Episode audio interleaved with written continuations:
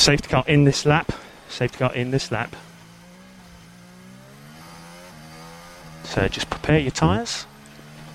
It will be strap 5 and you'll have overtake on each of the straights. One lap remain.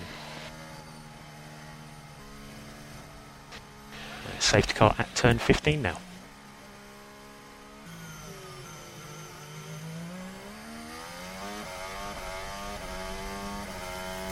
Nurse has been manipulated, man.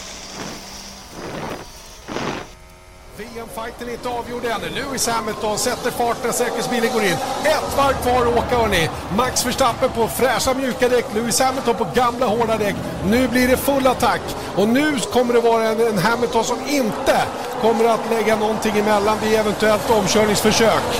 Så vilket drama vi har när de ser till att de båda titelkombatanterna är efter varandra ut på det här sista varvet. Mercedes är duktigt irriterade på beslutet som han tar. Har Max Verstappen toppat upp batteriet? Har han farten som, har, som behövs för att gå förbi? Upp i kurva 5, han ligger precis där. Han går in på insidan in i kurva 5, han trycker till Lewis Hamilton och nu har vi Max Verstappen upp i ledningen och i det här läget är han faktiskt världsmästare och han, åh, han är förbi innan mätningen, det är han inte för det är ingen DRS efter säkerhetsbil. Nu gäller det bara att bli av med den tow som han kan få där bakom. Här är Hamilton på väg tillbaka, men han kan ju inte ha bromskraft i det här läget. Mycket mer traction ut i den här kurvan, men Hamilton är med ut på den här Ja, det är fortfarande inte avgjort där. Michael, no, no, Michael, that was so not right. Hamilton har inte gett upp där nu. Han kommer upp jämsides. De är helt jämsides upp på kurva 9. Utsidan för Lewis Hamilton har inte greppet i däcken. Max Verstappen är fortfarande i ledningen. Det här kommer att snackas om. Det här kommer att snackas om. Det som var totalt avgjort för 5-7 minuter sedan har svängt helt åt andra hållet tack vare en seg krasch för Nicolas Latifi. Michael Masi, hårdpressad tävlingsledare, tog beslutet att eh, samla ihop fältet och att släppa förbi de varvade bilarna. Max Verstappen vinner Abu Dhabis Grand Prix och är världsmästare 2021! Oh my lord, Max! Oh my yes! Yes! Oh my god!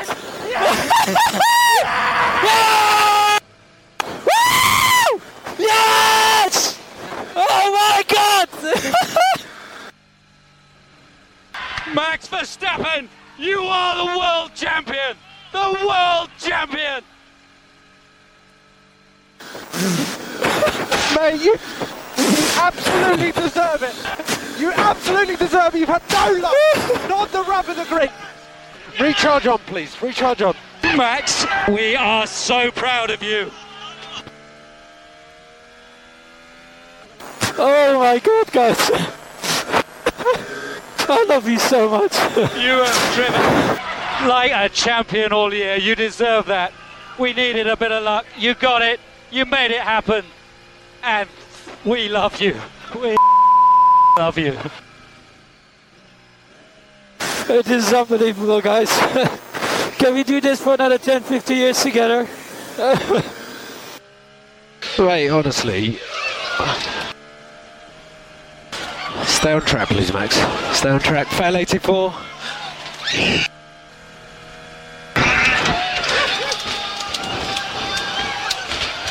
Mate, the whole season, they tried to bring you down. Oh, yeah.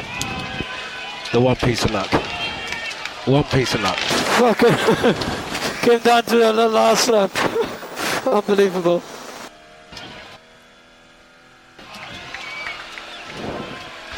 You enjoy this, mate. Mm, en dramatisk inledning på veckans Viaplay F1 Podcast. Janne Blomqvist, Erik Stenborg hälsar välkomna. Eh, avslutningen av Formel 1-säsongen 2021 hörde du i komprimerad form, Erik Stenborg. Det, det är knappt så att man har släppt det ännu faktiskt. Det har gått några dagar trots allt. Nej, alltså jag, jag har inte släppt det än. Och jag tycker bara att så här... Alltså det, det var... Det var lite som vi sa inför eh, helgen också, att det, var, det här var en historisk händelse. Att två förare på, i liksom Max Verstappens och Lewis Hamiltons kaliber står där på startlinjen med samma poäng. De står ett och tvåa på griden. Oddsen säger 50-50. Eh, och sen så hur racet liksom gick och sen så hur det avslutades. Det är liksom, det är så sjukt. Alltså det, jag, jag, jag vet inte om jag någonsin kommer landa i det. Jag tror att vi kommer prata om säsongen F1-säsongen 2021 i alltså som en av de där klassiska grejerna. Så jag menar visst, 2008 när man pratar om, om när Hamilton tar VM-titeln på, på sista varvet. Det var ju liksom, men som säsong betraktat var ju det visst en bra säsong, men det är inte en av de här, det når inte ens upp till hälften av den här tycker jag. Nej, jag får lov att hålla med dig där.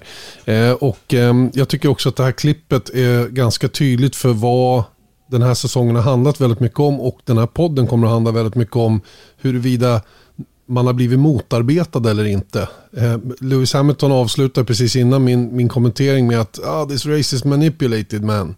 Och sen har vi GP då som är, som är mm, Max eh, racingingenjör på slutet där. They tried to bring you down. They tried to bring you down. Förstår du? Det är, liksom, mm. det är symbolik i de här två uttalandena tycker jag som, som, som pekar åt ett håll. Och eh, det här eh, kommer som sagt att pratas mycket om även i övrigt. Eh, det, det, det, behövs pratas om det väldigt mycket i övrigt. Eh, nämligen eh, internationella federationens eh, inblandning i det här mästerskapet och hur man sköter Eh, hur man sköter eh, liksom att hålla ordning på det. Mm. Eh, där jag tycker att det finns, det finns mycket saker att önska. Och jag tycker framförallt att det finns anledning för Fia att, att ha någon slags review över sin egen position i Formel 1 som mår så himla bra i övrigt just nu. Mm, verkligen. Men du, vi ska komma in på det. Men ska vi inte lyssna på en längre intervju faktiskt som vi har fått tag i med den nya världsmästaren Max Verstappen? Well, Max, here we are. Finally, confirmed 2021 Formula One World Champion. Your emotions on hearing that? Uh, the whole day has been a, a roller coaster. Of course, you know, I was nervous this morning going into the car, knowing you know there was a title at stake. Um, and then you know throughout the race as, as, well, the, the roller coaster of emotion where you, it seems like you're losing the battle. But I, I always said to myself, I'm just going to push until the last lap. I'm not going to make it easy. Look at, make it look easy to them and I just kept believing in there might something you know come my way at the end of the race. And of course you never expect that to happen. But of course after that safety car and then you know having that one lap shootout I had the, the fresher tires on. I say that's my my chance. But the funny thing was then I was so close and then I got a massive cramp in my leg in that last lap the whole lap. So when I went for the move already that whole straight basically turned two trees flat uh, I had a massive cramp so I was going flat out but like biting my teeth like come on come on uh, because it was really painful so I made the move. And then, of course, I had still another two long straights to battle with Lewis, but having this cramp. So, yeah, that was not really enjoyable. Um, then I was very happy after turn nine. Let, you know, everything started to settle down, so I could lift a bit earlier into 12 because the cramp was just unbearable. But um, all that just adds to the emotion of, of the whole race. You've been karting since the age of four. Racing's been your life. Do you remember the first time you ever sat in a in a car? Do you remember the first time you ever experienced that thrill of speed? Uh, it's you know it's been a long time ago now, but since um, I started to drive a bit more professionally, and you know the goal was together with my dad, where we traveled all over Europe. Was first, of course, to get to Formula One. That's already an achievement. Then, of course, you hope that you one day stand on the podium or maybe win a race. You know th- these things were achieved. Then the ultimate goal is, of course, to win a championship, and then you know, once you achieve that, like today, and then having that emotional moment also with my dad uh, behind, or you know, behind uh, into the garage, basically, it was yeah really special and something I will never forget. You were born to racing parents, your dad and your mum. How important have they been on this this journey for you? Of course, you know, I was born to race, but my parents they never pushed me into racing, and they said, you know, you can do whatever you like. But of course, naturally, when you grow up and you see all this happening around you, you're like, oh, I would like to try that. And then I, I really liked it. So my parents never needed to push me into it. But yeah, of course, it, it's very nice and it helped me a lot throughout my career. Where, of course, my dad was the big influence, influencer in terms of performance. But then at the other end, you know, I had always the support of my mom. She, she came to races and she still, I mean, I don't know today how she survived, but because normally all the other races already she gets really nervous. So I spoke to her quickly, and um, yeah, it's for the whole family. You know, it's something really special. You were incredible in go karts, a, a phenomenon. When you got into single seaters, Florida Winter Series, Formula Three, you were doing F1 by the end of that first year. Did your ascent, your rise, did the speed of it take you by surprise? I always went into it like, well, see what happens. I was not too fussed about it. I was like, you know, I, I know whatever car I'll drive, I'll try to do my very best, and we'll see where we end up. And of course, throughout that year, everything went so quick. I got into Formula One, and of course, you know, in the beginning, I made mistakes and I was learning, but that for me was the better way. I preferred to do that in F1 than wherever, you know, other categories. And for sure, that first year in, in F3, um, the good thing about it was we were doing a lot of races. You know, I did 33 races in a whole season, so you could learn a lot from one potential mistake, and then you could rectify it in the other ones. So for me, that was a really good year. Um, but then, of course, you know, being already, you know, this time in, in Formula One has been uh, crazy. You know, 24 years old. Started when I was 17, and also the trust Red Bull put in me from that very young age, and then promote me to the to the senior team it's just uh, an incredible journey altogether. When you first came into the sport for the first few years, you were you were hit quite hard by people that said you didn't race fairly, you raced too aggressively, and you always said, "I'm not going to change because this is this is how I race, this is how I've I've got here." But as you've said, you you know you had to learn from those mistakes. How difficult was it to learn, to grow, to develop, but to maintain that core element of what makes you the racer you are? Um, it's not difficult. Of course, sometimes it hurts. I mean, it needs to hurt sometimes. That's what my dad always said. You know. Um, especially when I was still racing in go-karts in the national championships. I had a lot of wins and I didn't know what losing was like. And my dad was like, well, one day you will learn and it will hurt. So then, of course, that day came where I didn't win. And I was crying, you know, because I, I hate losing. And of course, I think that's a good mentality, but you also should uh, analyze and understand why that is. And you should also, of course, then uh, be grateful, you know, be uh, respectful to the guy who beat you and um, I think over the years, of course, you learn how to do that better, uh, and especially in Formula One, because I mean, you you only normally have one dominant team. This year, I think already has been incredible, where two teams are fighting for a title. Um, but yeah, you know, these moments where you, you're in, in tough times, like for me also 2018 in the beginning of the year, it was really tough, but you need those moments to become a better driver. Your relationship with Daniel was, was so great when you were teammates together. How much did you learn from him and then how much did you change when you became the team leader? You had that responsibility to be the one pushing that team forward. Yeah, I mean, I had a great relationship with basically all my teammates, but especially also Daniel. You know, he's an amazing guy. I, I really get along with him well. And of course, now also, I mean, I grew up a lot from when I was 17, 18 to now. Um, uh, but yeah, I mean, it's just, you know, looking up to more experienced drivers how they approach a weekend whatever. So you always i i mean my dad my dad also always said you can always listen to anyone and then you just take whatever you think is necessary or what you think is good and uh, you try to apply that to yourself and that's how i work. Um, you've been on the back foot with red bull over a couple of seasons always trying to catch up but this year was different. When did you know that this could be the, the year, the special year? Well, of course, naturally, when I was in the lead of the championship at one point and the gap was increasing, it looked good, but still, every race was a battle. You know, I won, but uh, there may be one or two races where it looked dominant, but the other ones were always so tight. So I never felt comfortable in the lead. And then, of course, we had some unlucky moments. You know, my tire blowout in Baku, Silverstone, Hungary. You know, the lap one. So then uh, immediately, of course, I lost a lot of points. But then I think as a team, we really worked well together to, to optimize the car and the engine as, as well with Honda to still get some really important results. And uh, at the end of the day, that you know really gave us the opportunity to fight in the in the last race. The battle with Lewis Hamilton, you've denied him what would have been a, a record, a history-making eighth world championship. It's been tight. It's been close between you two all year. You've had your elbows out against one another. What did the fight with Lewis teach you about him and about you? I always knew already that Lewis was a great driver, but I never really had that full opportunity to race against him. And I think what was very special this year was that both of us we pushed the car and the team to the limit because we demanded a lot, but we also gave back a lot for both of the teams. Um, and I think that is very special because you know last year I came out of a few races and I felt like I didn't really have a, a, workout because I was always on my own. So I just managed my pace because I knew there was nothing to gain, nothing to lose. But this year, most of the races I've been just driving flat out to the last lap, uh, knowing that of course the pressure was always there and uh, that is something truly special and what I will always remember. And I hope, of course, that Lewis and I can continue this for a couple more seasons. You say you push things to the limit. At times this year, you've been accused of pushing things over the limit. When you were accused of those things, did you feel hard done by? Well, it's, it's the same story as in 2018. You have to believe in yourself, Um, and that's what I did. Of course, you know, you learn from moments. It doesn't need to be mistakes or, or good things.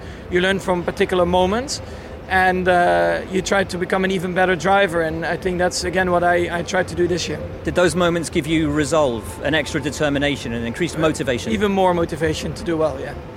Um, you said your focus this year would be on the, the moments, focus on the now, look at the bigger picture later. Now you can look at the bigger picture. How do you look back on this on this year, what you've achieved with the team, what you've achieved with, with Honda as well in, in their final year, and for you for at 24 years of age to be a world champion? Yeah, I mean, this was my last goal in Formula One where I wanted to become a, a world champion. You know, we had pole positions, fast laps, race wins, you know, all of that. But this was the ultimate dream, and now that you know we have achieved that, basically for me, everything what comes next is, is a bonus. What does come next for Max Verstappen? A few more years in Formula One where I'm going to enjoy it. um, how excited are you now for 2022? New car, new regulations, a fresh sheet of paper for everybody. To be honest, at the moment, right now, I don't have any feelings about it. I just want to enjoy uh, what I've achieved this season together with the team. But of course, you know, I also know that after a few days, maybe one or two weeks, you know, I need to be back in that mindset for, for next year, where I'll try to defend uh, the title. But also, a thing I'm looking forward to is, uh, is to drive around with number one. Love that. And You will take the number one. Yes. And uh, and uh, immediately, right now, what are you going to do? I might have one drink tonight. Just one. Yeah, just one. I love it. Uh, Max, but very finally, obviously we've spoken about your father and your mother, but the team around you here, they, they have been so uh, positive towards you, embracing you at all times. We could hear the emotion on the slow down lap. Christian, Helmut, uh, Dietrich, you know, the entire squad that you've got behind you, pushing you, who believed in you, who brought you to Formula One so quickly. What have they meant in this journey? Yeah, I mean, I'm normally not really an emotional guy. I don't really show my emotions. Of course, sometimes I'm upset on the radio, but that's different. You know, that's just when you're not agreeing to something. But yeah, I mean, um, I was crying on the in lap, so uh, it, it, just means a lot. I mean, it's my life. I, I, I, you know, I grew up, didn't like school, so I always wanted to do something where I didn't need school for. And uh, you know, once you achieve your life goal, your life mission, um, it's just something truly incredible. But also not only for me, but for my whole family, because they also had to live for me. Because my dad was away a lot, probably cost the marriage, and also my sister. You know, uh, she missed me, she missed her dad, because my dad was always with me. So all of this now, you know, just brings back a lot of you know just rest and also you know this is this hasn't been for nothing. And that's something I, which is very special. I think people overlook that sacrifice that you've made? Yeah no we don't. I mean I, I think uh, my family in general we are not some some people who like to talk about that. We just always keep it in a bit. But I can feel of course and I, I could see that that it hurt my mom my sister of course. You know we are away a lot and you know with all the things that happen of course. But just yeah it's it's a real family effort. Beautiful stuff. Congratulations Max 2021 års världsmästare Max Verstappen där i en lång intervju gjord av Will Buxton som ehm, eh, fick chansen att sitta ner då med, med Max eh, den här stunden då direkt efter VM-titeln. Och jag vet inte, vad, vad, vad, känner du runt Max Verstappen som, som förare och, och kanske människa också? Ja, men som förare så är det ju inget snack. Jag menar han, han... Det som är kul med de här två Lewis Hamilton och eh, Max Verstappen är att de är väldigt olika. Och de menar inte bara som personligheter utan även på banan. Hur de kör helt enkelt. Och jag är ingen eh, eh före detta Formel 1-förare som kan bedöma liksom, körstilar eller någonting så lätt. Att man säger så här, ja, men om han, han gillar understyrt, han gillar överstyrt. Det har jag aldrig kunnat, liksom, jag aldrig ens, försöker ens hävda att jag kan eh, se sånt. Men vad gäller Hamilton och Verstappen är ju att de har en helt annan approach eh, jämfört med varandra då. På, I hur de kör och hur de liksom attackerar ett race. Så att det har ju varit kul att följa också. Sen så som människa så har jag tänkt ofta på under det här året hur Nico Rosberg agerade under sin mästerskapssäsong 2016. Att det var jag menar, det var inte så att jag kan säga att jag har haft någonting att göra med Verstappen under året. Jag har inte varit på plats en enda gång. Men när man ska göra tv av de här personerna så blir de som tråkigast när de har ett VM på spel. Och Rosberg sa i praktiken ingenting under hela 2016. Det var bara så här, jag tänker inte på VM och det enda man kan fråga en sån här person är egentligen du är i VM-ledning, du eh, har tappat din VM-ledning, eh, hur känns det mot eh, världsmästartiteln? Och när en person då kategoriskt bara avfärdar, jag pratar inte om det där, då blir det väldigt svårt.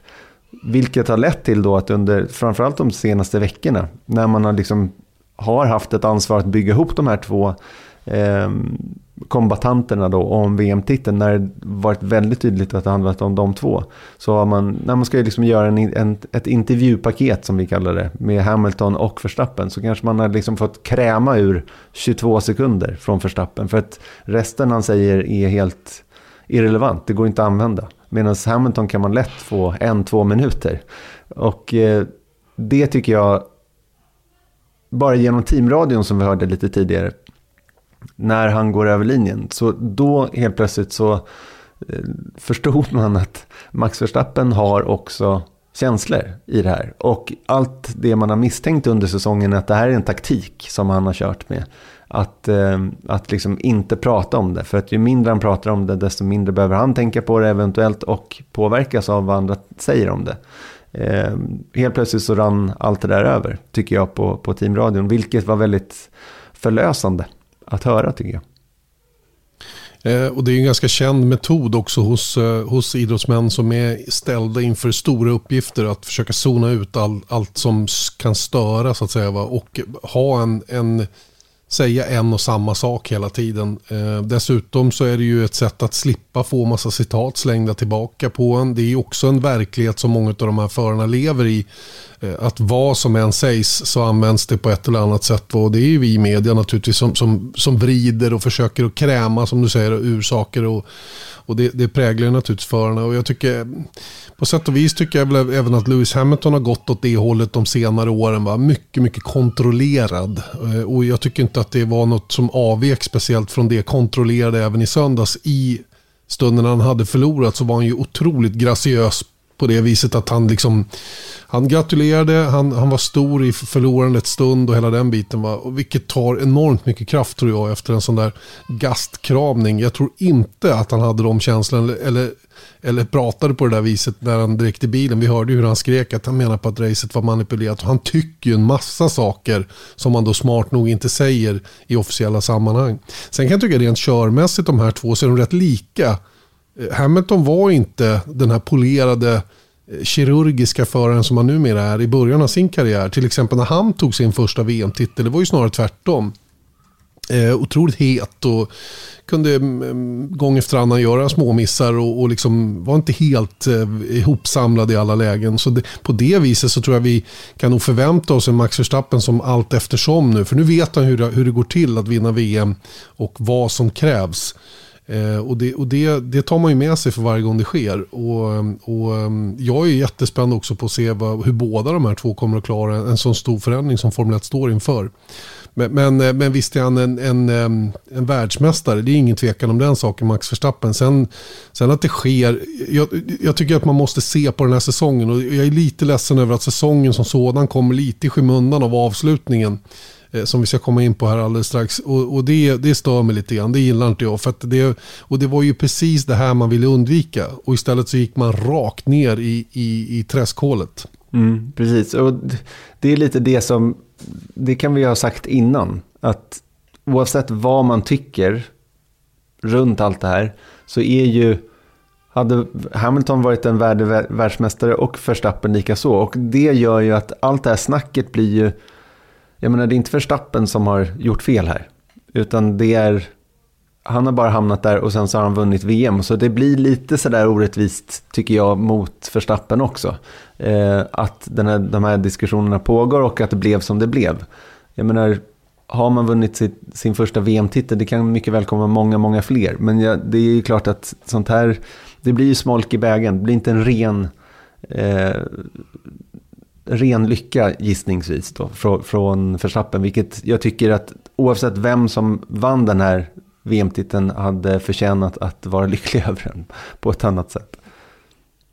Eh, ja, det är väl, finns det något att vänta på egentligen? Eller ska vi bara ge oss in i, i skeendet? Precis. Ja, men Eh, gå, det som igenom hände det, då- gå igenom racet Mm. från, från början till slut. Bara som faktiskt hände utan, utan någon form av eh, liksom, avvikelser. Det ska jag försöka göra och eh, racet som sådan startade ju ganska okontroversiellt. En mycket, mycket bättre start av Lewis Hamilton som eh, snabbt tog ledningen och eh, visade sig dessutom ha en mycket snabbare bil än vad Max Verstappen hade i det här racet. Tillräckligt mycket snabbare i alla fall för att ha ett, ett eh, hälsosamt försprång. Bättre däckstrategi visade sig ju.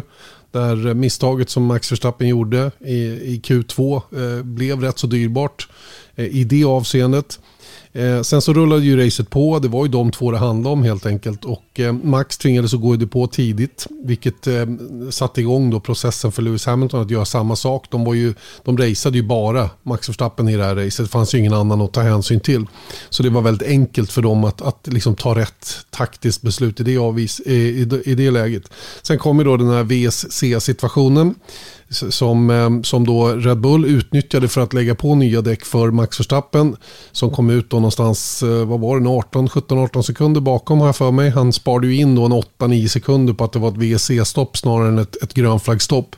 Så han kom inte till ett fullt stopp bakom så att säga, men, men nästintill. Eh, och tanken var ju då att han skulle vara be, mer bättre, ha bättre grejer då inför avslutningen. Då. Man insåg att Lewis Hamilton kom ju mycket, mycket Eh, mycket troligt att köra vidare på det sättet Deccan hade hela vägen till målflagg då, även om det blev en stint på över 40 varv. Eh, det som sen hände då var ju att ehm, eh, Nicolas Latifi kraschar alltså med sex varv kvar i det här racet efter en fight med Mick Schumacher som han hade då inne under hotellet. Och det fanns inte så mycket att välja på eftersom bilen stod väldigt tokigt till eh, precis utanför, eh, eller ja, precis i racelinjen egentligen, eh, än, att, eh, än att ta ut säkerhetsbilen. Eh, det här neutraliserar givetvis startfältet och eh, Max Verstappen och Red Bull reagerar väldigt snabbt med att komma in i depå för att lägga på den röda gummiblandning. Nya fräscha däck för Max Verstappen. Eh, Mercedes hann inte kunde inte heller för den delen. För att eh, i det läget för Mercedes gå in i depån och lägga på nya däck hade betytt att de hade tappat sin banposition och det var de under inga omständigheter villiga att göra. Eh, de hade ju naturligtvis, eh, då, då, i det här läget, och det, det tycker jag Peter Bonington är tydligt på radion säger, så vet de ju inte hur fortsättningen kommer att bli. Kommer det att bli en grönflaggsavslutning? Kommer det att bli en omstart? Eller blir det målgång bakom säkerhetsbil? Det är väldigt många frågetecken i det här läget när de ska ta sitt avgörande beslut. Eh, Red Bull har ju inget att förlora så de tar in sin bil. De behöver inte ens diskutera. Det är en fördel de har i det här läget. Och i och med att eh, eh racet är neutraliserat och Max inte tappar någon placering så, så eh, vet de ju att han är ju närmast bakom Hamilton i normalfallet. Eh, och eh, det är ju det som är grejen här då. För vi följer ju inte normalfallet när vi väl kommer till, till avslutningen av det här racet. Och det är ju det som är, är hela grejen på något sätt. Michael Masi gör en, eh, gör en liten habrovink skulle man kunna säga då för att få till en grönflaggsavslutning. Mm, kontroversiella beslut togs, kan man väl säga, eller hur? Eh, Det får man väl allt påstå att det gjordes. För, för Eh, i det här läget då med ungefär fem varv kvar att göra så är vi väl alla rätt ense om att det kommer att bli tajt att få till någon, någon grön omstart på det här. Alltså enligt en normal procedur. Eh, och det här tror jag Michael Masi också förstod ganska snabbt. Vi, vi eh, från sändningsposition tyckte att rödflagg hade varit rimligt i det här läget men han valde en helt annan lösning. Eh, Michael Masi rensade givetvis upp, eller såg till att det blev upprensat. Han rensade ingenting, men det blir upprensat och det, hans jobb i det här läget är att försöka få igång racet så snabbt som möjligt. Eh, och hur ska han då få till det här? Jo, han måste ju då, eh, normalt sett så ska ju då alla bilar som inte är på ledarvarvet, de ska få passera ledaren och sen då i bästa möjliga förmåga eh, försöka hinna runt och lägga sig längst bak i kön. Det behöver de inte, men de, de behöver i alla fall förbi ledaren och komma iväg en bit. Sen ska då racet startas om efterföljande varv. Och, och, och det här fanns det inte tid till. Så Michael Masi tvingas då eh, med stöd från reglementet, ska jag verkligen noga påpeka då, eh, genom ett antal olika hopp mellan olika regler. Så först så säger han, inga bilar får ovarva sig. Det är meddelandet som kommer ut. Sen tror många att han ändrar sig, men det gör han inte. Utan det här gör han för att kunna använda en annan del i reglementet som gör att han då kan flytta undan några bilar. Vilket han sen gör. Eh, så att den ena regeln tar ut den andra. Och, och, och då får han möjlighet att flytta bort de här som ligger mellan Lewis Hamilton och Max Verstappen. Och på det viset har han ju sett till då att när han sen startar racet, vilket han då gör direkt. Han har ju nämligen overriding eh, authority över säkerhetsbilsanvändningen. Normalt sett ska det ju alltså gå ett varv efter att man har gjort allt det här innan man kan trycka säkerhetsbilen in och kan starta om racet. Men han trycker den knappen direkt. Safety car in this lap. Vilket betyder då, det här är alltså i slutet på fem, varv 57. Det innebär ju då att de varvade bilarna har passerat på varv 57 och Lewis Hamilton ligger nu längst fram med Max Verstappen närmast bakom när säkerhetsbilen blir beordrad att komma in i slutet på det här varvet. Eh, det innebär ju då att det är ju, det är ju ingen fight längre utan Max Verstappen på nästan nya röda däck och Lewis Hamilton på vad har de, upp mot 40 varv, drygt det kanske, eh, hårda däck skulle ju naturligtvis inte ha en chans i den här omstarten. Vilket också visar sig då när de eh, brakar igång och kör det här sista racevarvet som slutar med att Max kör förbi in i kurva 5 och håller undan på de båda raksträckorna och blir världsmästare eh, i kraft av att han vinner det avslutande racet. Där har ni själva skeendet. Det är precis så det här har gått till. Men, men, sen kommer vi då till, till, eh, till vad som egentligen hände Erik här. Vilket var att Michael Masi då avvek från den ordinarie proceduren. Och nu börjar det bli komplicerat där för, för eh, hur man ska göra, vad är det rätta att göra, vad är det mest rättvisa att göra och vad vill man uppnå? Och det här finns det ju massor med frågor som, som kräver svar egentligen. Jag vet inte om vi kan ge dem, men vi kan resonera om det i alla fall, eller hur? Mm, absolut, och det är ju för det första då, det står ju i eh, Mercedes överklagade det här, eh, det här resultatet eh, tämligen direkt på två punkter. Den första punkten var att eh, de noterade då att Verstappen hade varit före eh, Hamilton inför omstarten vid två tillfällen. Alltså nu pratar vi liksom eh, 30 centimeter. Ehm, det var det, det, det, ska man inte göra helt enkelt. Jag råkade sitta bredvid Marcus Eriksson i det läget. Han bara säger så här, men vad gör du? Du kommer få bestraffning eh, runt den grejen. Sen så är det där... Eh, det är ingen stor sak helt enkelt. Han, han var uppe och hetsade inför omstarten. Eh, det avslogs tämligen direkt. Eh, men sen så var det just hur den här proceduren hade gått, gått till då som, är, som var den övriga eh, överklagan då från, från Mercedes sida. Men det ska vi i alla fall lägga till här är att Fias roll i Formel 1 är ju att ja, sanktionera mästerskapet såklart också, men om man tittar på Michael Masis, alltså som tävlingsledarens roll, det är att e-, en, en liksom definition i, som man kan läsa i, i regelboken runt FIA är att the race director should be completely independent of consideration for the fortunes, fortunes of individual competitors. Och det kan vi konstatera, tror jag, med tämligen säkerhet är att han gjorde inte det här för att låta, låta mm, Red Bull och Max Verstappen vinna VM. Utan däremot så hade han en annan grej för sig och det var att till varje pris starta om racet. Och han valde den här vägen. Eller hur? Ja, så är det. Han valde alltså att eh, skynda på processen helt enkelt. Omstartsprocessen då. Och det kunde han göra då eh, för att han är race director. Det är nämligen the clerk of the course eh, som, som sköter racet och som utför alla saker.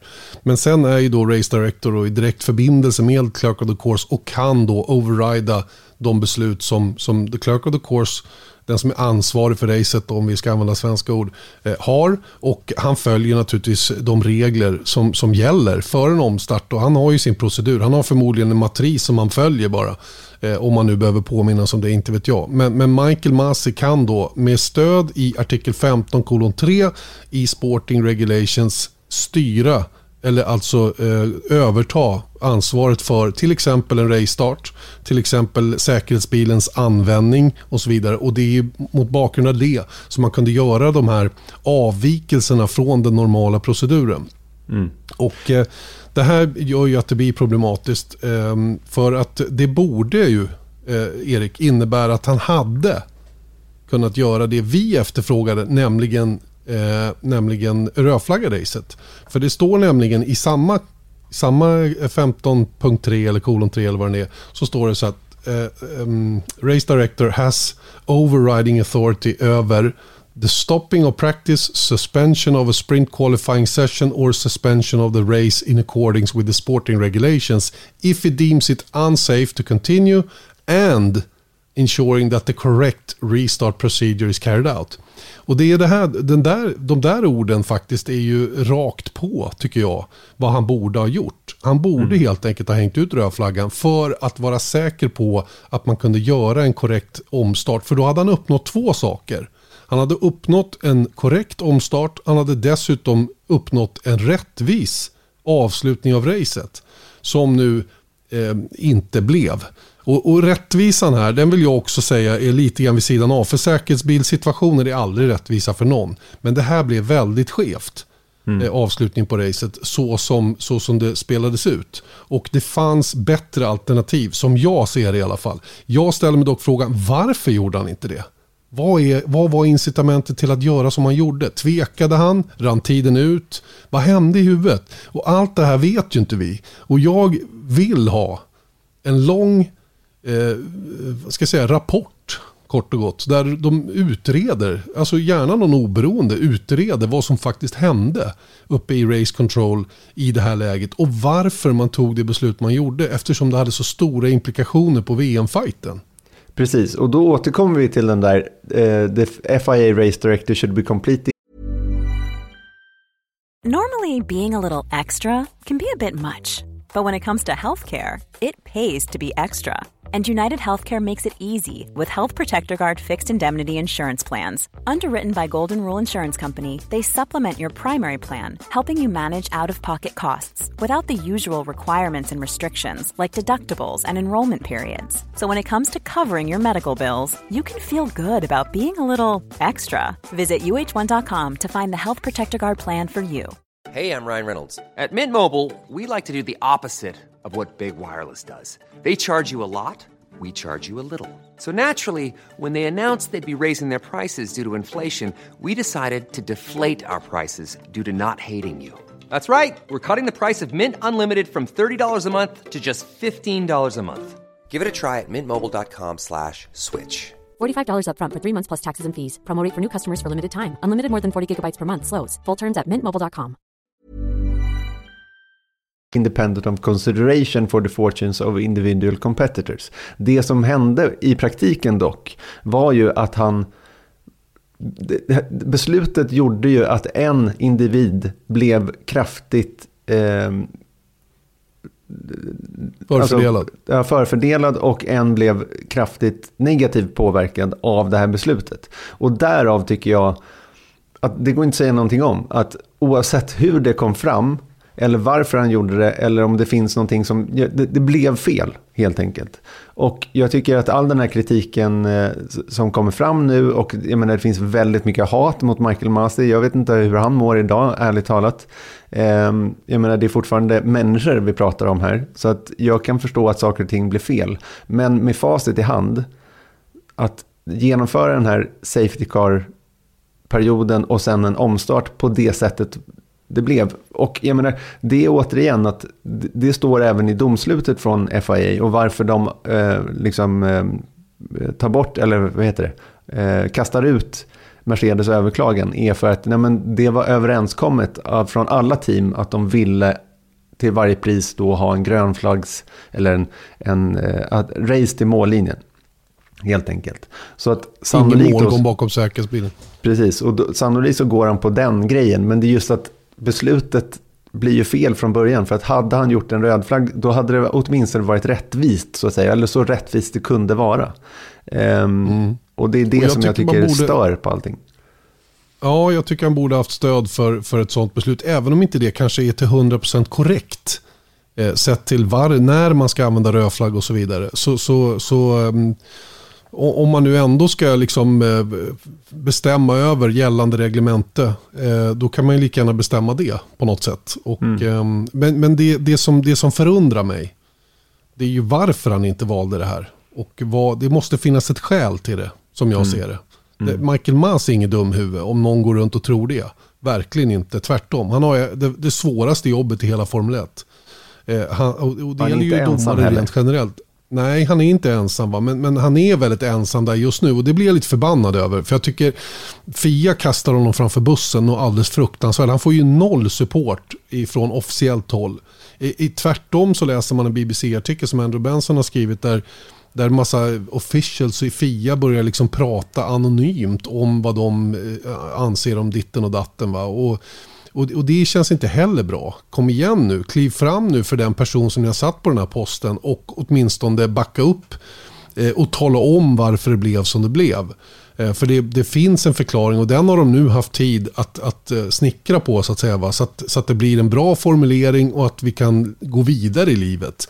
Jag tror inte att eh, Mercedes, Mercedes protesterade ju, ska vi säga eh, mot det här. Men protesten avslogs. Nu eh, meddelar de sina intentioner att överklaga och de har på sig till klockan 17.00 i torsdag. torsdag. Mm. Eh, med att komma in med en eventuell överklagan. Jag är osäker på om det kommer någon överklagan. För jag tror inte de har hem, hemskt mycket att hämta. Eftersom reglerna har ju följts, även om de är konstigt skrivna.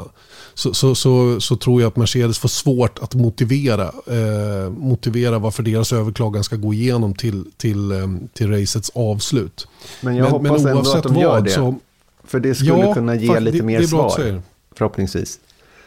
Precis, för det kanske tvingar Fia att göra en rejäl, eh, grundlig undersökning av det som hände. Jag hoppas att de gör det i alla fall. Men skulle en överklagan komma, då blir det ju officiella dokument och då måste de ut till oss också så vi får läsa vad det faktiskt står.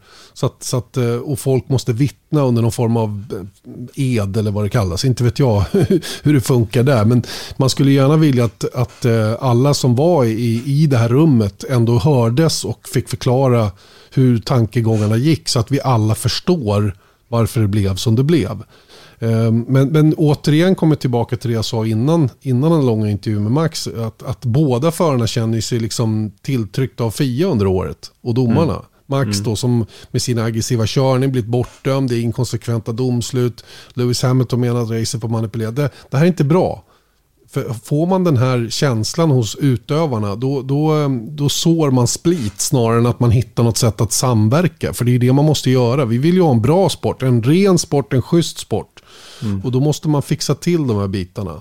Sen om Markin Masi ska ha det här jobbet eller inte, ja det, är, det kan inte jag svara på. Jag kan inte bedöma hur duktig han är. Jag bara konstaterar att han gång efter annan hamnar i lite konstiga situationer. Vilket gör det lite tufft. Och han får väldigt sällan något stöd från typ Sean Tott eller någon annan eh, kring de här kontroverserna. Mm. Ja, men jag tycker att det här är ett, jag menar, det här har varit en stor diskussion under faktiskt hela året. Runt, jag menar, det har alltid varit så här frågetecken runt domslut hit och dit och mm, folk är sura på det ena eller det andra. Jag menar, det är ingenting nytt i Formel 1. Men det som jag däremot tycker, utan att ha någon så här konkret data eh, att, att hänga upp det på, så har det varit en, en större diskussion i år. För det, och det har känts också lite mer godtyckligt stundtals. Jag menar, det har varit eh, frågor om track limits, det har varit frågor om eh, vad man får göra, eh, sätt att köra om utanför banan och inte. Eh, det, har varit, eh, jag menar, det har varit hur mycket domslut som helst. Och sen kan jag tycka ändå de senaste racen när det har varit tydligt att det varit den här VM-fighten mellan eh, Hamilton och eh, Verstappen, att man har släppt lite mer på, på saker. Vissa saker som kanske hade varit eh, en fem sekunders straff i början av säsongen har plötsligt inte blivit det. Jag menar, det, det har varit så här godtyckligt. Och även om det inte har varit det rent datamässigt så har det här kommit upp som en väldigt stor fråga. Jag menar, många förare ifrågasätter sig, men vad får vi göra då? Vad får vi göra det? Nej, det får vi, eller va? Uh, uh, du vet sådär. Det, det finns väldigt mycket olika, eh, liksom, undringar runt det här. Och det gör ju att hur bygger man ett förtroende från Fias håll? Jo, men det är att göra samma sak. I varje fall, även om det blir olika utgång från en gång till en annan, så måste de ändå liksom behandla det på samma sätt. Och det är det jag tycker är problematiskt här. För att om det var någonting de inte gjorde i söndags, var att köra normala procedurer. För att jag menar, hade det varit så att, att eh, den här Safety Car Eh, han hade inte rödflaggat utan Safety Caren kom ut. Men en normal procedur såg inte ut som den gjorde i söndags. Och då menar inte jag att den är nödvändigtvis inkorrekt enligt reglerna. Men jag tänker förtroendemässigt så blir det väldigt lätt att hoppa på Fia och Michael Masi genom att man gjorde det här.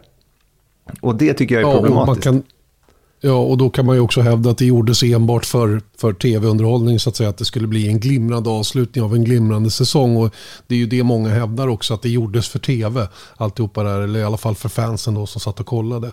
Sen är det en annan sak som jag har lite eh, issues med. Eje Älg, vår gode vän, Mm. eh, han textade mig på kvällen där och så skrev han till mig att, eh, kommer du ihåg vad jag sa för tio år sedan? Sa att Fia håller på att måla in ett hörn med alla regler till hittan och dittan och, det blir så re- överreglerat till slut så att det går liksom inte man får nästan hitta på en ny regel för varje sak som händer. Och, och lite grann är det där vi har hamnat. Eh, och, och det blir, vi blir, det, vi hamnar i den situationen också mycket tack vare att Eh, Fia inte är auktoritära nog. Eh, för att det är väldigt mycket gafflande på radion upp till tävlingsledningen. I tid och otid ska de vara på radio. Jag blir mer och mer irriterad över att det där är tillåtet. Och nu såg jag faktiskt att Fia överväger att, ta bort möjligheten för eh, teamrepresentanter att ens prata med tävlingsledningen. Det ska vara envägskommunikation. Tävlingsledningen trycker på knappen och säger att Red Bull, det här och det här ska ni göra. Ni är anmanade att göra ditten eller datten. Men det ska inte gå att prata åt andra hållet. Och det, det måste jag säga, det, det tycker jag är helt rätt. Det ska inte vara någon diskussion eh, under racet. På det sättet som vi upplevde då i live-tv i, i Saudiarabien. Eh, Jag förstår att det där har pågått tidigare, att det inte är någon nyhet att det, det dealas och wheelas lite om, om, om eh, enstaka incidenter. Det, och det är fint att det har varit så tidigare. Men vi måste sluta med det där nu. Och, eh, jag menar en sån som Toto Wolf, det blir också så här, det blir ovärdigt hur han sitter och drar sig i håret och kastar lurarna och trycker på knappen och vädjar. Hittar, vad håller han på med för någonting? Men grejen menar, är ju vad- vad- att vad förvänt- om möjligheten finns, då är det klart att de kommer utnyttja den. Det, det är samma sak i, i reg, alla reglementen i Formel 1, alla procedurer i Formel 1. Går det så gör Formel 1-team det. Och det är därför jag håller med dig om den saken, att så här, det här ska ju vara en, en icke, jag menar om Masif kontaktar, eller om tävlingsledaren kontaktar teamen, då ska, ska de såklart kunna svara. Men när de håller på på det här viset, då blir det lite farsartat kan jag tycka. Och sen så tycker jag, ap- apropå det här grejen, att chocken som vi upplevde i Saudiarabien när den här diskussionen och, och det som upplevdes då som en wheelande och dealande runt bestraffningar eller inte. Jag menar, återigen, det här var ingenting, det förklarade ju Masi eh, efteråt att det här är ingenting ovanligt. Det här sker hela tiden. Men att man sänder det gör ju också, jag tycker det var superintressant att höra det och det har varit superintressant att få hänga med på det här när det nu sker i tv. Men jag tänker också på att jag undrar hur, hur smart det ändå är sett till förtroendet för sporten. Jag menar, vissa grejer har inte med alla att göra. Och jag tycker det är, återigen, jag jag är tudelad där, för jag tycker att det är intressant att få höra det som tv-tittare. Men jag vet inte om det är fullständigt nödvändigt, för att det spär ju på också eh, osäkerheter. Jag menar, man ska vara transparent, ja, men vissa grejer är, har inte med transparens att göra. För att det kan Det tolkas. motverkar syftet. Precis, för antingen ska man få höra allt också. Det ska man ju vara med, medveten om att allt det som vi hörde i söndags är kanske en tiondel av allt som sades. Eh, vilket gör att den här transparensen ger ju inte hela bilden heller. Utan det är snarare eh, cherry pickat det som är lite spännande, så att säga. Jag menar, de Mm. där tråkiga diskussionerna sänder de ju inte. Nej, nej, de är inte så intressanta för oss att följa. Och, och det, här är, det, det finns mycket att diskutera runt omkring där. Och, och nu, nu eh, ska man inte dra för stora växlar, för det är många som gör det. I samma, eh, relaterat till samma artikel och BBC-artikel som Andrew Benson skrev där, att, att um, det här är ju farligt då, sett till att Formel 1-sporten mår så himla bra just nu, attrahera sponsorer, hela den biten. Men sett till om, om Fia då bedöms inte kunna, kunna leverera ett, ett, eh, ett mästerskap där alla behandlas korrekt då, då kanske de drar öronen åt sig i alla fall. Och det betyder då att det är väldigt viktigt att man städar upp runt omkring de här sakerna och inte ser till att man skapar den här typen av situationer.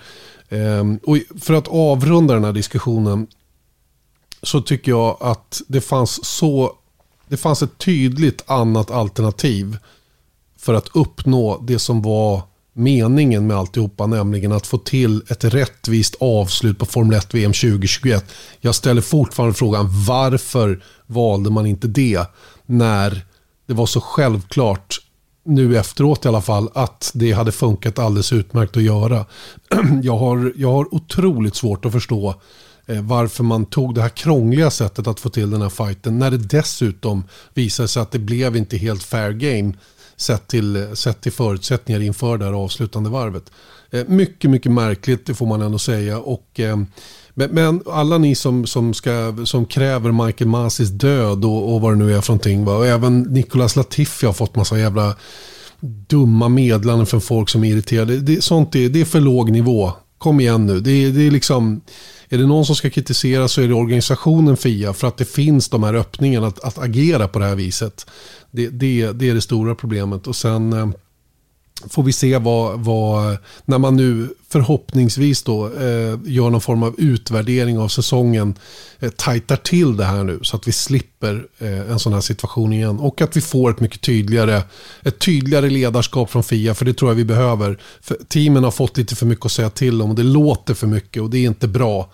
Eh, en domare är kanske inte alltid på topp och gör alla rätt alltid, men det är till syvende och sist han som måste bestämma Eh, och sen om vi kallar Michael Masi domare eller tävlingsledare, det är ju på något sätt lite, eh, det, det är lite gråzon däremellan. Men, men, men eh, de måste få bestämma. Och eh, ibland blir det rätt, ibland blir det fel. Men, men de måste få bestämma. Och eh, sen får man utvärdera eventuella felaktiga beslut efterhand och försöka justera det inför framtiden.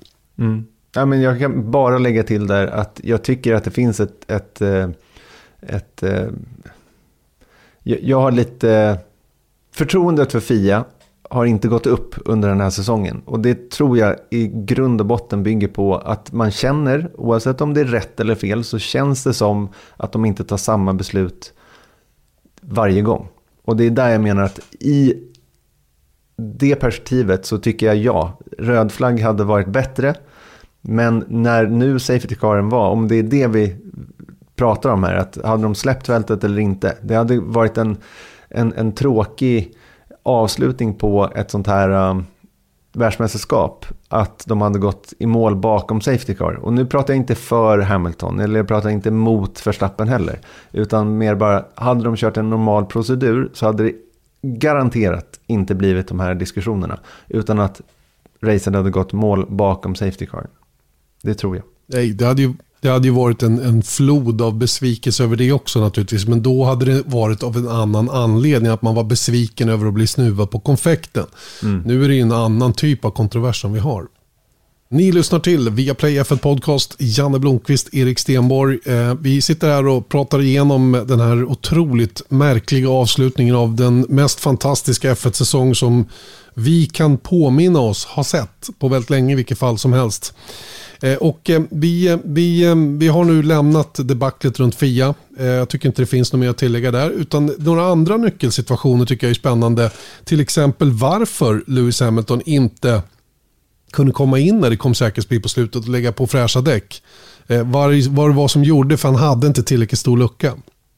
Precis, och det har i grund och botten att göra med Sergio Perez försvar. Det som blev, eh, jag såg faktiskt någon som hade, jag tror att det kanske var photoshopat, jag har inte provat själv, men om man, om man googlar eh, på Mexican Minister of Defense så kommer eh, Sergio Perez upp som Google hittar. Och jag, jag, tror att det kan vara photoshopat, men det var en ganska rolig grej tycker jag. Och det var ju en grym, alltså det där var ju Sergio Perez i sitt esse, verkligen Eh, när han höll emot. Eh, han, han, stannade ute på, på mjuka däck och då tänkte man ju att ja, men, eh, Hamilton kommer ju bara flyga förbi honom, vilket han till slut gjorde, men det tog två varv. Och därifrån har vi fått lite data från Formel 1, eh, bara för att påvisa då hur viktigt det här faktiskt var. Eh, efter första varvet eh, av Peres försvar då mot Hamilton så var avståndet när de gick över mållinjen precis över fem sekunder. Sen då därifrån, från kurva 1 till, fram till kurva 5, så tappar då Hamilton 1,2 sekunder på Verstappen som då ligger trea bakom. Eh, och sen så ytterligare 1,2 sekunder i själva eh, kurva 5. Så det är 2,4 sekunder då fram till och med kurva 5. Sen så hade då Verstappen då dubbel toe på Hamilton och Perez och DRS. Vilket då gav eh, Verstappen 25,2 km i timmen högre toppfart än de, de två eh, framför. Eh, från kurva 8. Och det ger ytterligare 0,4 sekunder att han hämtar, hämtar hem. Det säger ju någonting också om att det var inte på rakorna här som, som eh, Red Bull kunde hänga med Mercedes i race, utan det var i de här långsammare kurvorna.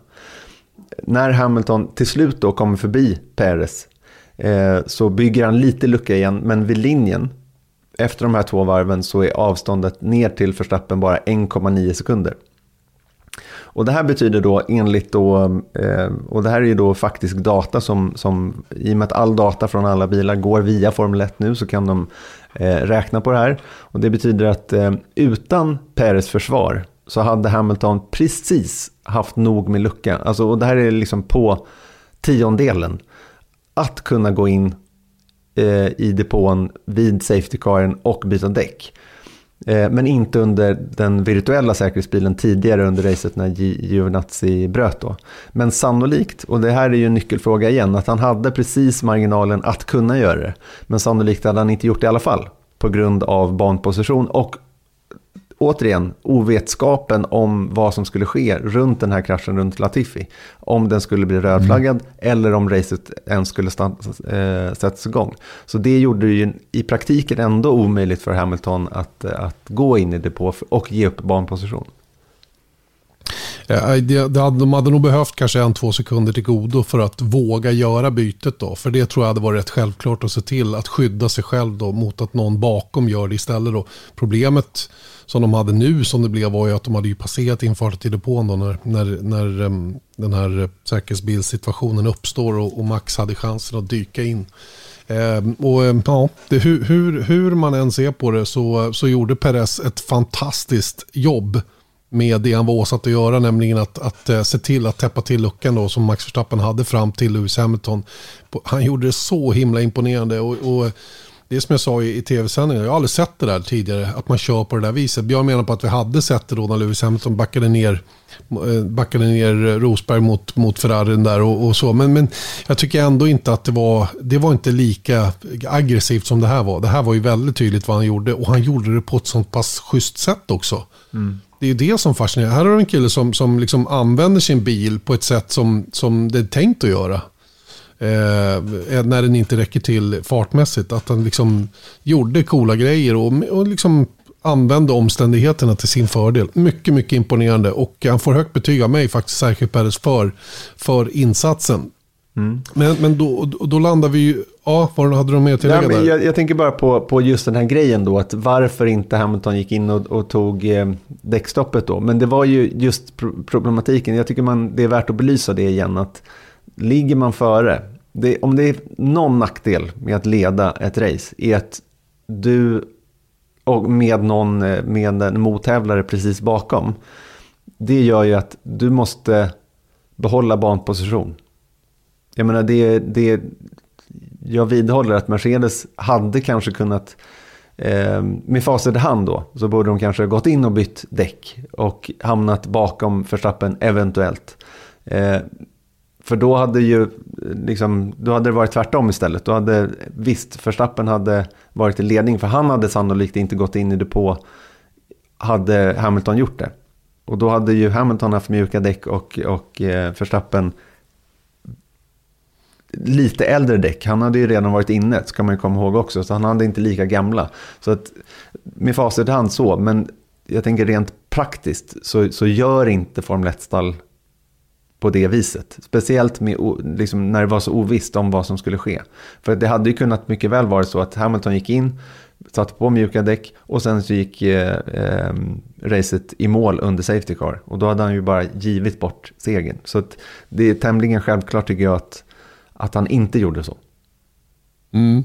Det är inte lätt att ta rätt beslut de här gångerna när man ställs inför det, när det är så tajt. Och återigen, som vi sa tidigare, Red Bull hade ju inget att förlora. För dem var det ju ett lätt beslut. För Mercedes som hade allt att förlora var det ett jättesvårt beslut. Och mm. de valde då i slutändan fel. Men eh, de fick ju eh, de fick lite extra uppförsbacke då sett till hur eh, startproceduren gjordes. När vi ändå pratar tvåor då så kan vi konstatera att den andra tvåan, eh, Mercedes tvåa, Valtteri Bottas, igen gjorde en ganska blek figur. Eh, han är ju svår att förstå sig på. Alltså jag, jag, nu gick ju kvalet käpprätt åt skogen för de tappade balansen totalt i den där bilen och han hade dessutom en svagare motor hörde vi den äldre version som var de där tiondelarna långsammare och det var ju uppenbart väldigt betydelsefullt. Och, och i racet såg vi inte heller honom sprattla framåt direkt utan det blev en ganska Ja, det blev en, en tråkig avslutning känner jag för honom i, i Mercedes. Mm. Och dessutom så skulle jag vilja hävda är att hade han varit, nu startade han sexan, gick i mål som sexa. Jag kan inte svara på exakt varför han just blev sexa. Eh, om det var, hade att göra någonting med eh, de här varvade bilarna mellan Hamilton och Verstappen eller vad det nu kan tänkas vara. Det ska man också lägga till att när de gjorde på det sättet så, så skrotade de ju racet för alla bakom Hamilton och Verstappen. Eh, i varje fall de som fick ovarva sig och de som inte fick det. Eh, då blev det ju ett väldigt stort avstånd också. Det gjorde ju också att beslutet som sådant var ganska kontroversiellt. Men om man tittar då på vad Perez kunde göra och vad han kunde, hur han kunde hjälpa Verstappen. I slutändan så hade det här inte eh, jättestor betydelse. Men hade Bottas legat, hade han haft förmågan att ligga precis bakom Verstappen i, de här, i det här läget runt Virtual Safety Car och Safety Car, då hade nog sannolikt inte Verstappen gått in. För att då hade han inte velat, då hade han varit i samma läge som Hamilton och inte velat tappa banposition till Bottas. Som såklart då skulle göra allt han kunde för att blocka honom på väg upp igen. Men nu, när, och det här är så otroligt tydligt, vi har pratat om det här hela säsongen. Hur kan Perez, hur kan Bottas hjälpa sina teamkamrater eh, och sina team att vinna VM. Om det var någon som inte hjälpte sitt team genom att sluta sexa och kvala sexa och inte kunna ta sig om klart långsammare bilar så var det Valtteri Bottas. Ja, han får, han får ta den, den sura kritiken från våran del då. Ehm, och eh, angående Peres där, det var väl, han blev ju högst avgörande egentligen när man tittar på det då. I och med att han såg till att stänga fönstret för ett depåstopp på slutet för Lewis Hamilton. Och det, jag menar, det, det, det, är små, små detaljer som, som naturligtvis kommer i skymundan då sett till det, det övriga debaclet med avslutningen. Men, men eh, det hade ju kunnat varit helt annorlunda sett till att Hamilton hade fått segla iväg och göra sitt liksom utan att påverkas av Perez. Och då hade det ju förmodligen sett annorlunda ut då. Eventuellt. Ja, och det här är som grejen med liksom wingmännen är att det ger, har man båda med där uppe så ger ju det teamen många fler valmöjligheter. För nu var det så att Hamilton behövde stanna ute på banan trots sina gamla däck. För att annars hade han tappat banposition. Men säg att, eh, att eh, Verstappen ändå hade gått in, då, kan, liksom, då hade man, man, då, då hade Bottas legat där, då hade, för att de behövde ju inte vinna heller. Hade Bottas legat där, då hade kanske Hamilton också kunnat känna att de hade råd att ta in honom ändå. Inte vet jag. Mm. Det finns så mycket mera variabler att spela med när man har två förare där uppe. Men nu var han där nere på sjätte plats och bara harvade runt och hade ingenting med, med eh, den här fighten att göra. Och han har blivit entledigad från Mercedes. Just idag när vi spelar in tisdag så testas det faktiskt nere i Abu Dhabi och Valtteri Bottas kör för Alfa Romeo. Han blir dock inte officiellt Alfa Romeo-förare förrän 1 januari 2022. Eh, det om detta. Eh, vi har några som vi vill lyfta fram. Mm. Eh, eller i synnerhet ja, men två gubbar som vi vill lyfta fram. Och Jag tycker vi ska börja med den som jag blir mer och mer imponerad av och sättet han tog sig igenom den här säsongen, nämligen Carlos Sainz. Det var ju vilken, vilket, vilken säsong han har haft. Han blir dessutom starkast i, i i Ferrari-teamet. vi, vi börjar med att lyssna på honom här som han själv kände det då direkt efter målgång.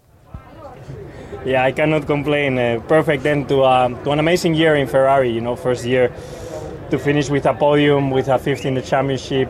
I wasn't really looking to it because I knew it was uh, I need some things to happen, but uh, to sign it off with a with a podium, with a perfect race, and go into a winter break with this is, is just amazing. You've been on it this weekend after a difficult or challenging Friday, should we say, and that's kind of been the the, the pattern of your year, hasn't it? That you've managed to just get on top of things. Yeah, but the car yesterday felt completely different to Friday, and today already in the Labster grid, much better. And this this better feeling just gave me the opportunity to to extend the, the gap to the to the midfield in the um, in the soft. I had a very strong stint on the soft, and then control the tires to the end on the hard. So it was uh, fairly straightforward. I think today I put together everything that I've learned this year with this car: how to manage tires, how to do the starts, lap one and I put it all together to, to, to sign off a, a, perfect race. Now you've been teammates with Max in the past. A word to Formula One's newest world champion. I am. I'm very happy for him because I think he, since the day he arrived into Formula One, he showed he, his uh, world champion material. You know, and to, to achieve it with such a such a strong year, I think is is um, is, uh, is incredible for him. Also for Red Bull, obviously, it's my my old family, you know, Red Bull, and uh, and I want to congratulate them for for a for a splendid year and uh, yeah, I hopefully we can give them a fight next year. Du, eh, jag måste erkänna en sak. När jag eh, i all den här villvallen runt de sista varven och så kommer jag ihåg att, att eh, först så intervjuas då Max Verstappen och så, så väntar man på, på Lewis Hamilton och så dyker Carlos Sainz upp där. Och då säger jag rakt ut i kontrollrummet, Sainz? Så. Och då är det vår eh, redaktör Linnea som säger, Ja, men han kom trea. Jag bara, jaha, okej, okay, ja, all right. Så, jag hade ingen aning om de, de, andra positionerna än de där två faktiskt i det där läget. Eh, så därför tycker jag att det var påpassligt att han eh, lyfts fram i den här podcasten åtminstone.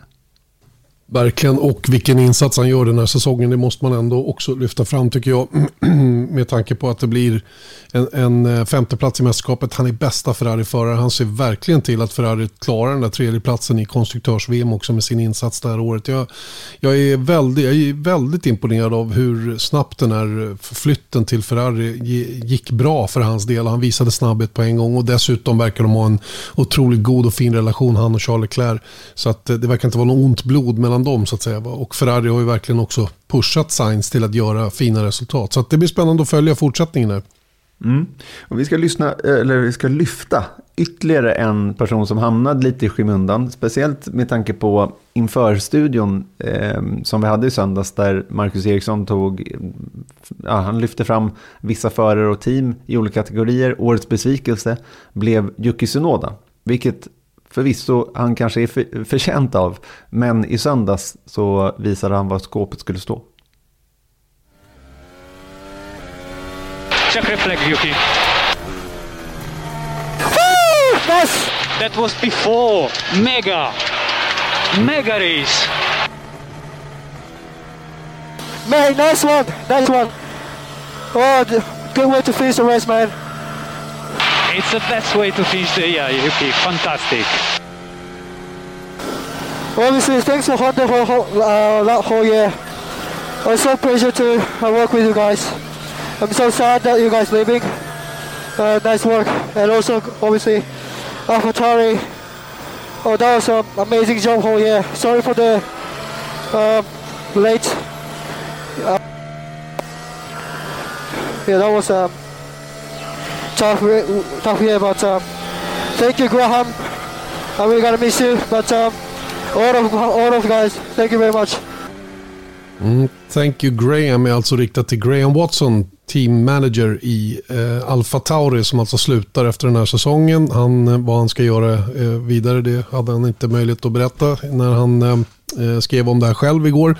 Vi får se vad han tar vägen. Graham Watson som var team manager, eh, sporting director, någonting sånt i Caterham när Marcus Eriksson körde där. Så att, eh, han har varit med länge och eh, siktar nu på nya äventyr. Men precis som Jocke Sinoda, ett tufft år men en väldigt, väldigt stark avslutning och kul för honom tycker jag att få kliva upp och ta den där fjärdeplatsen som det blev i, i mål för hans del.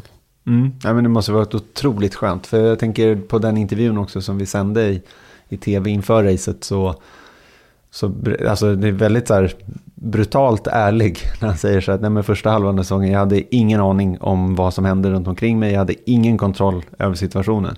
Och eh, tänk då efter en sån säsong att kliva in i off-season med en fjärde plats och ha slagit Pierre Gasly som, som hyllats under hela året rättmätigt då. Men eh, skönt för lille Yuki Sunoda. Mm. Eh, ja, eh, vi har några eh, fler reaktioner från förare att dela med oss av och det är ju egentligen de två som lämnar nu då efter den här säsongen i Alfa Romeo, nämligen Giovinazzi och Kimi Räikkönen. Yeah, it's racing. You know, uh, our reliability actually so far was really great. We never stopped, never DNF, but uh, you know, last race uh, we lost two cars, me and Kimi. I don't know what happened to Kimi, but uh, to be honest, until that moment, uh, the race was not too bad. You know, we were fighting with Sebastian, trying to keep him behind. Nothing was happening in the front, so it was a boring race until until that moment. But uh, yeah, a gearbox issue. You know, uh, unfortunately, like this. But now, yeah, now full focus for the next challenge in Formula E, and uh, the hope that uh, in 2023 I can come back. Yeah, emotional because uh, it was the last race with Kimi, to be honest. it's been a pleasure to work uh, with a great driver like him, a really fair person, really good person, great person. So yeah, I think F1, all the world of of F1 will miss him because uh, we will not find another Kimi in F1, I'm sure. So yeah, this is uh, the big emotion for myself. Like I say, you know, I want to think positive uh, that uh, I I don't feel that this will be my last race in F1. It doesn't matter how it comes to the end. It's uh, it's the end now, and uh, yeah, I'm looking forward to it. It's been a big weekend, lots of goodbyes. Now it's all over. How do you feel? No, I feel good. Like I said, you know, I'm looking forward to let's say normal life that I, I know outside of uh, F1 anyhow, and uh, yeah, yeah, a lot of uh, good wishes and this and that, and uh, you know, I'm not a big uh, fan of them, but uh, it's it's great to see you know all the support and um, you know a lot of great people here, and you know, but um, no, you know, I'm happy I lived through it, and. Um, you know, I'm happy to, to go and do normal things. Kimi Räikkönen och Antonio Giovinazzi alltså som eh, lämnar Formel 1 efter den här säsongen. Kimi eh, pensionerar sig som Formel 1-förare. tror inte han pensionerar sig som förare, det får vi väl se i och för sig. Men, men Formel 1 är det klart med i alla fall. Antonio Giovinazzi lämnar alltså eh, Alfa Romeo för Formula E men hoppas på återkomst i eh, i F1 till 2023. Det tror jag väl blir svårt i och för sig. Va? Men, men eh, ja, de är klara nu och eh, vi känns som att vi är klara också med att summera det här avslutande racet i alla fall som blev en otroligt märklig historia som eh, som var nästan, eh, det var nästan bound to happen på något sätt efter en sån här säsong. Mm. Jag håller med om, om den saken faktiskt. Att det, det var en ganska perfekt sammanfattning av det rabalder som har pågått under hela det här året. Som kan jag då tillägga att jag tycker verkligen att eh, det vi har bjudits på från Max Verstappen och Lewis Hamilton gör verkligen att båda var väl förtjänta världsmästare. Nu blev det Max Verstappen. Jag, eh, jag köper det, trots allt eh, som hände under sista racet. Jag tycker att eh, ehm, han var värdig att vinna det här. Ja, ska man se på det lite filosofiskt så, så eh, får väl jag också känna lite grann så. Jag tycker Mercedes gjorde en fruktansvärt stark avslutning av det här året och den återhämtning som de gjorde de här sista fyra, fem racen är ju imponerande. Från, från att ha blivit frånåkta ordentligt i Mexiko och det som återstod av säsongen efter det så gick de från ett ganska rejält underläge på 19 poäng till exakt lika då inför finalen. Nu räckte det inte hela vägen fram. Eh, frågan är ändå, om inte Red Bull ändå har varit det starkaste paketet i år sett till om vi väger in allt annat som har hänt. Så, så på det viset så, så har inte jag heller något större problem att just Max Verstappen blir världsmästare. Jag hade inte haft några problem om Lewis Hamilton hade tagit sin åttonde titel heller. Nu blev det som sagt inte så denna gång. Eh, hoppas ni eh, har varit nöjda med vad vi har presenterat eh, i den här podden. Vi eh, tänker inte ge upp Erik. Vi håller ut eh, hela året och nästa år också. Och varje vecka även när det inte tävlas.